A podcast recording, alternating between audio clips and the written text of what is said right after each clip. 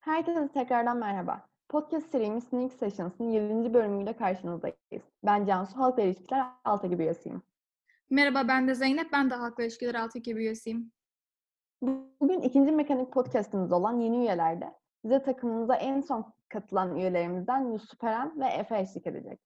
Sneak Snakes'in üye alım sürecinden, geçtikleri mülakatlardan, mekanik eğitim süreçlerinden ve daha birçok konudan bahsedecekler. Sneak Snakes'e başvuru yapmak isteyenlere yol gösterici bir podcast olacağını umuyorum. Geldiğiniz için teşekkürler arkadaşlar. Sorularımıza başlamadan önce kendinizi biraz tanıtabilir misiniz? Ee, Merhaba ben Yusuf Eren Şener. Korkmaz Yiğit Anadolu Lisesi 9. sınıf öğrencisiyim.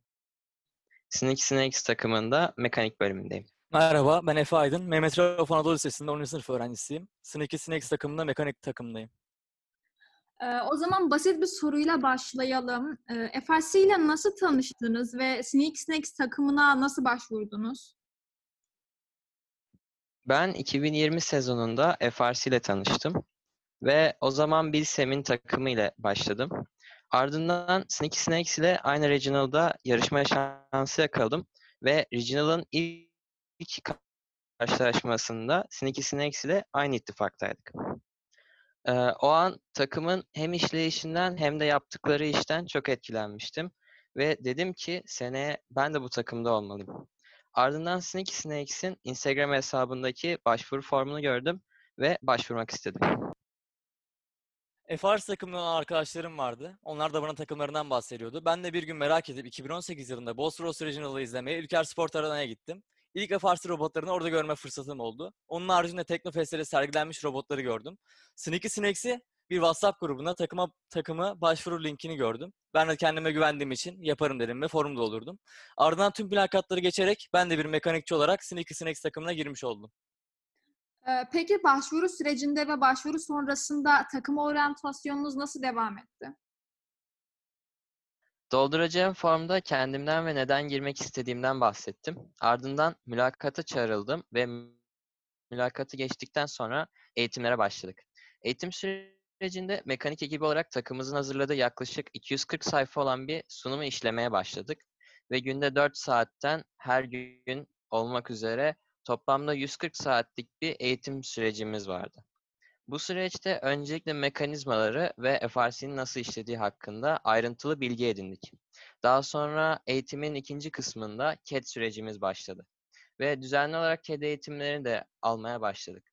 CAD eğitimlerimiz bittikten sonra rahat bir şekilde robot veya mekanizma çizebiliyor hale gelmiştik.